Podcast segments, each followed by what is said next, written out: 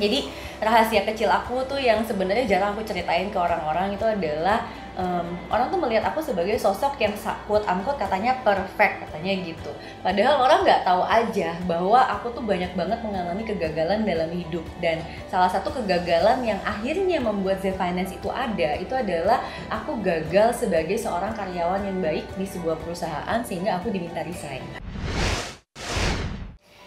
Assalamualaikum ketemu lagi di Analisa Channel dan seneng banget kali ini uh, Analisa Channel hadirkan episode yang dinanti nanti teman-teman yaitu sehat mental, sehat finansial barengan sama Mbak Prita Gozi. Yeay. Mbak Prita ini tuh financial planner idola aku di mana ini semacam Aduh. reflection besok semoga di umur uh, Mbak Prita aku bisa seawet muda ini ya. Aduh, amin dibilang awet muda terus ya Allah. Apa rahasianya Mbak Prita?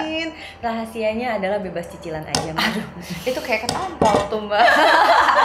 Oke, okay, Mbak Prita kemarin tuh banyak banget loh yang seneng episode kita yang ngomongin tentang gimana kita saving dan mm -hmm. uh, merencanakan keuangan dengan baik. Mm -hmm. Tapi by the way nih teman-teman, hmm. aku tuh kayak pengen pengen tahu nih kalau banyak banget yang ketika ngomongin financial planning hmm. di episode kita tuh kayak mbak aku ibu rumah tangga okay. aku gak punya income hmm. aku harus gimana dan sebagainya hmm. which is sebenarnya wanita karir juga um, belum tentu perencanaan keuangannya dengan baik ya mbak ya. Hmm. tapi sebenarnya menjadi wanita karir atau ibu rumah tangga ini apa sih mbak yang mendasari seorang Prita? Aku pengen Mbak Prita melepaskan financial plannernya mm -hmm. tapi menceritakan sebagai sosok Prita Gozi.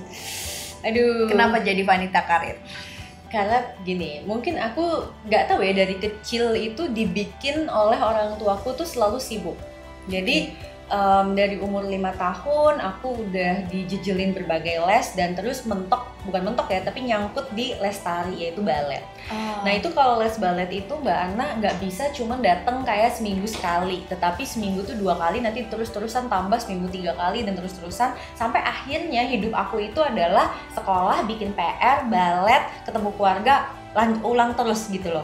Jadi um, dari umur berapa mbak? Umur lima. Lima tahun. Dan emang pengen. Dan emang suka banget gitu dan suka banget terus sering uh, ikut manggung juga dan cita-citaku waktu itu adalah kepengen jadi guru balet dan tercapai pada saat kuliah. Jadi kebayang nggak sih itu bener-bener yang namanya uh, kehidupan aku tuh hampir nggak pernah nganggur gitu loh mbak. Sibuk terus gitu ya. Sibuk terus gitu. Nah tapi sibukan yang aku suka. Nah sepertinya itu mendorong aku menjadi seseorang yang memang nggak bisa diam dan kebetulan aku bukan tipe orang yang uh, bisa memiliki ke kesenangan ya untuk misalnya nih masak. Makanya aku tuh adore banget orang yang jago masak gitu kan. Sama mbak. Aku juga. Aku tuh jago banget manggil deliverynya aja ya, gitu ya. Aku khusus uh, microwave. Jadi istri yang bisa kayak microwave wife istri. Oh, baik. bukan microwave tapi microwave karena hobinya microwave. Nah manasin doang. aku aku nggak nggak bisa menemukan um, istilahnya ketenangan atau kesenangan dengan memasak misalnya. Aku juga nggak bisa menemukan istilahnya kesenangan dengan bukannya aku mengesampingkan misalnya ibu-ibu yang apa sering antar jemput anak ya gitu. Itu juga aku seneng banget gitu. Tapi setelahnya pas lagi bangun aku ngapain ya? Dan aku bingung. Dan sayangnya pada masa itu untuk kita bisa tetap berkarya kan aku kan usianya juga sama mbak Ana kan hmm. juga beda. Hmm. pada masa aku itu untuk kita bisa berkarya di seling-seling waktu itu tuh tidak mudah gitu loh. Pekerjaannya masih menuntut kita untuk datang ke kantor dari jam sekian sampai dengan jam sekian Nah, akhirnya doronganku juga untuk tetap bisa membagi waktu dengan keluarga juga itu yang memutuskan aku juga salah satunya untuk bisa legowo uh, berhenti bekerja sebagai karyawan dan memulai usaha lagi dan aku kepengen di usaha itu tuh kayak aku tuh bisa mengcater orang-orang yang gak kepengen tuh istilahnya oh, harus jam sekian jam sekian tapi bisa punya ke sana ke sini dan segala macam tuh aku pengen banget gitu loh punya uh, tempat kerja yang seperti itu. Jadi daripada aku cari-cari mendingan aku ciptakannya sendiri. Akhirnya aku mikirnya gitu loh mbak Ana. Keren jadi, banget. Jadi emang karir gitu sih. karir seorang Prita Gozi hari ini hmm. adalah sesuatu yang dibentuk dari hmm. pola pengasuhan orang tua hmm. jadi kayak semacam Prita Gozi ini nggak bisa nggak sibuk gitu. Nggak bisa nggak melakukan sesuatu. Benar. Kalau cuma di rumah pusing bener, pasti ya mbak ya. Benar. Dan mamaku tuh kayak ngomong begini gitu ya. Mama tuh sengaja ya pokoknya kamu mesti punya hobi yang bisa kamu pegang terus nih mbak. Dia bilang gitu. Mm-hmm. pokoknya uh, oke okay, kamu misalnya suka balet terus kamu suka piano kamu tekunin terus. Karena nanti suatu hari nanti kalau misalnya sampai kamu uh, butuh untuk berdaya kamu bisa menghasilkan dari situ. Jadi kayak aku tuh selalu uh, dijejali dengan kita value, kalau punya value. sesuatu itu tuh harus bisa ada manfaatnya either itu untuk orang lain atau misalnya itu untuk diri kita sendiri atau misalnya itu untuk mendapatkan penghasilan jadi kayak melakukan sesuatu tuh harus ada faedahnya lah dia tuh kayak udah dijujulin gitu mulu kita dari kayak dari gitu. kecil dari kali kecil ya. gitu Oke. Nah, Mbak Berita kan tadi udah ceritain nih ya kalau ternyata itu adalah pengaruh dari atau faktor yang dibentuk dari kecil Mm-mm. oleh pola asuh orang tua. Hmm. Nah, by the way, Mbak, ketika jadi wanita karir ini kan ternyata nggak mudah ya, Mbak. Aku yang mungkin harus banyak belajar nih dari seorang Prita. Gimana sih cara Mbak mengatur waktu antara karir dan keluarga? Yes, itu pertanyaan yang juga banyak banget em, apa sih namanya ditanyakan kepada diriku nih Mbak Ana dan terus terang I keep on learning every day ya itu adalah sesuatu yang nggak mungkin kayak kita tuh udah jago banget.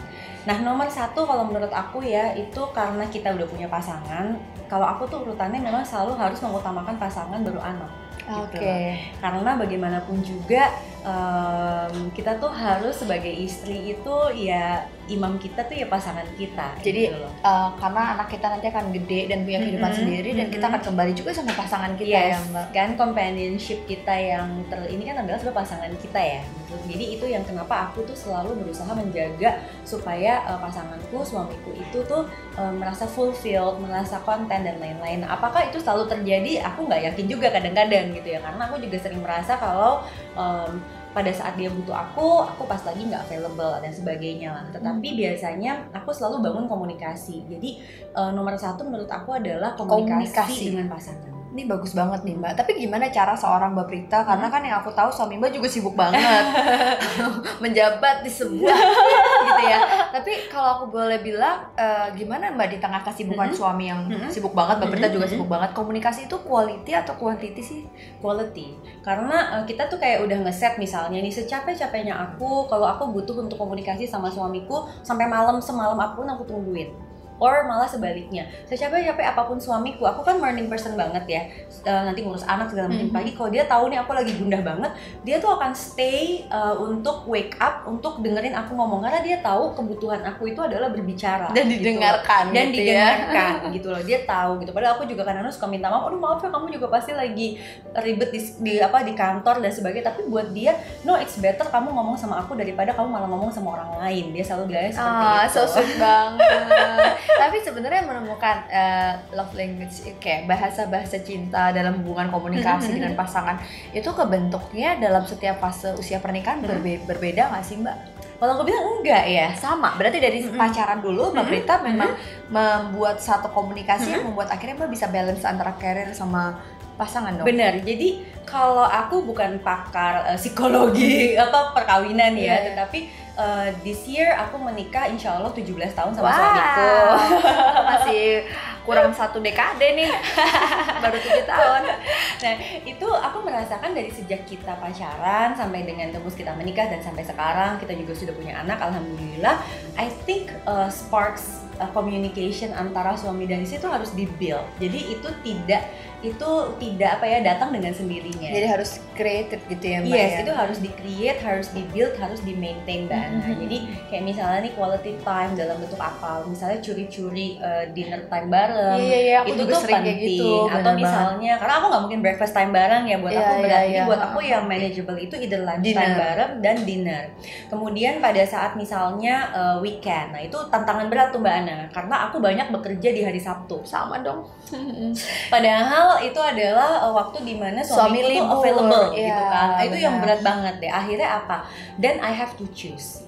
Berarti dalam satu bulan itu oke aku akan terima pekerjaan di hari Sabtu berapa banyak mungkin yang lain terpaksa ya udahlah mungkin itu rezekinya yang lain Iya kira-kira iya seperti iya, itu. benar-benar. Dan itu sebabnya kenapa kayak kemarin Mbak Ana bilang waktu aku kemarin ada travel ke US Hmm. gitu ya itu sebenarnya buat aku sesuatu yang tidak direncanakan. Kenapa? Karena pada saat suamiku mau ke US segala macam ternyata durasinya agak cukup lama dia bilang kamu ikut deh. Waduh itu pekerjaan aku selama 10 hari kan harus aku manage kan nggak? benar. tetapi itu permintaan suami kan akhirnya gimana caranya aku putar kanan kiri segala macam akhirnya bisa jalan kemudian aku di sana. Nah pas di sana pun banyak orang tanya kayak happy happy aja.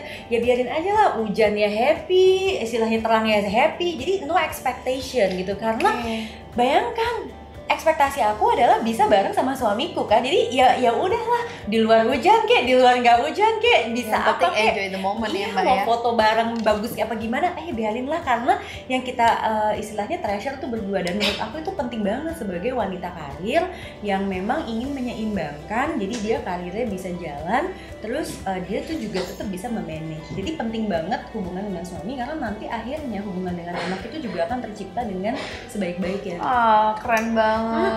Jadi intinya nih ya teman-teman Asa Channel, pokoknya kalau menurut seorang Prita Gozi, Hmm. wanita karir itu tuh harus bisa balance uh, Hmm. untuk waktu bareng sama pasangan tuh penting. penting Karena dia support system yang paling uh, penting dalam perjalanan seorang ibu Ya bekerja. lah, istilahnya kan perempuan juga bisa bermanfaat kalau dia keluar dari rumah dapat restu suami juga Bener, kan. itu ridho suami ya mbak tapi Betul. sama sih mbak Prita aku juga ngerasa kayak hari ini Mm-hmm. APDC Indonesia itu nggak akan bisa ada kalau nggak ada uh, satu proses yang memang didukung sama suami Mhm. jadi kual- tadi kalau mbak Prita bilang nih teman-teman kalau aku bisa simpulin tuh Mhm. komunikasi itu penting Mm-mm. quality time kalau mbak dinner ya Mhm. kalau aku breakfast time Mhm. karena kayak pagi habis nganter anak sekolah dan suami lebih fleksibel kerjaannya Mm-mm. jadi pagi uh, kita sarapan bareng baru dia ke kantor Mm-mm. nah tapi sebenarnya nih Mbak Prita, ada satu kondisi di mana kadang bisnis kita tuh kan bis ngejalanin bisnis yang fluktuatif ya. Mm-mm. Kayak harus terus tiap pagi bangun Mm-mm. mikirin ini APD saya mau kayak apa, Z Finance mau kayak apa. Mm-mm.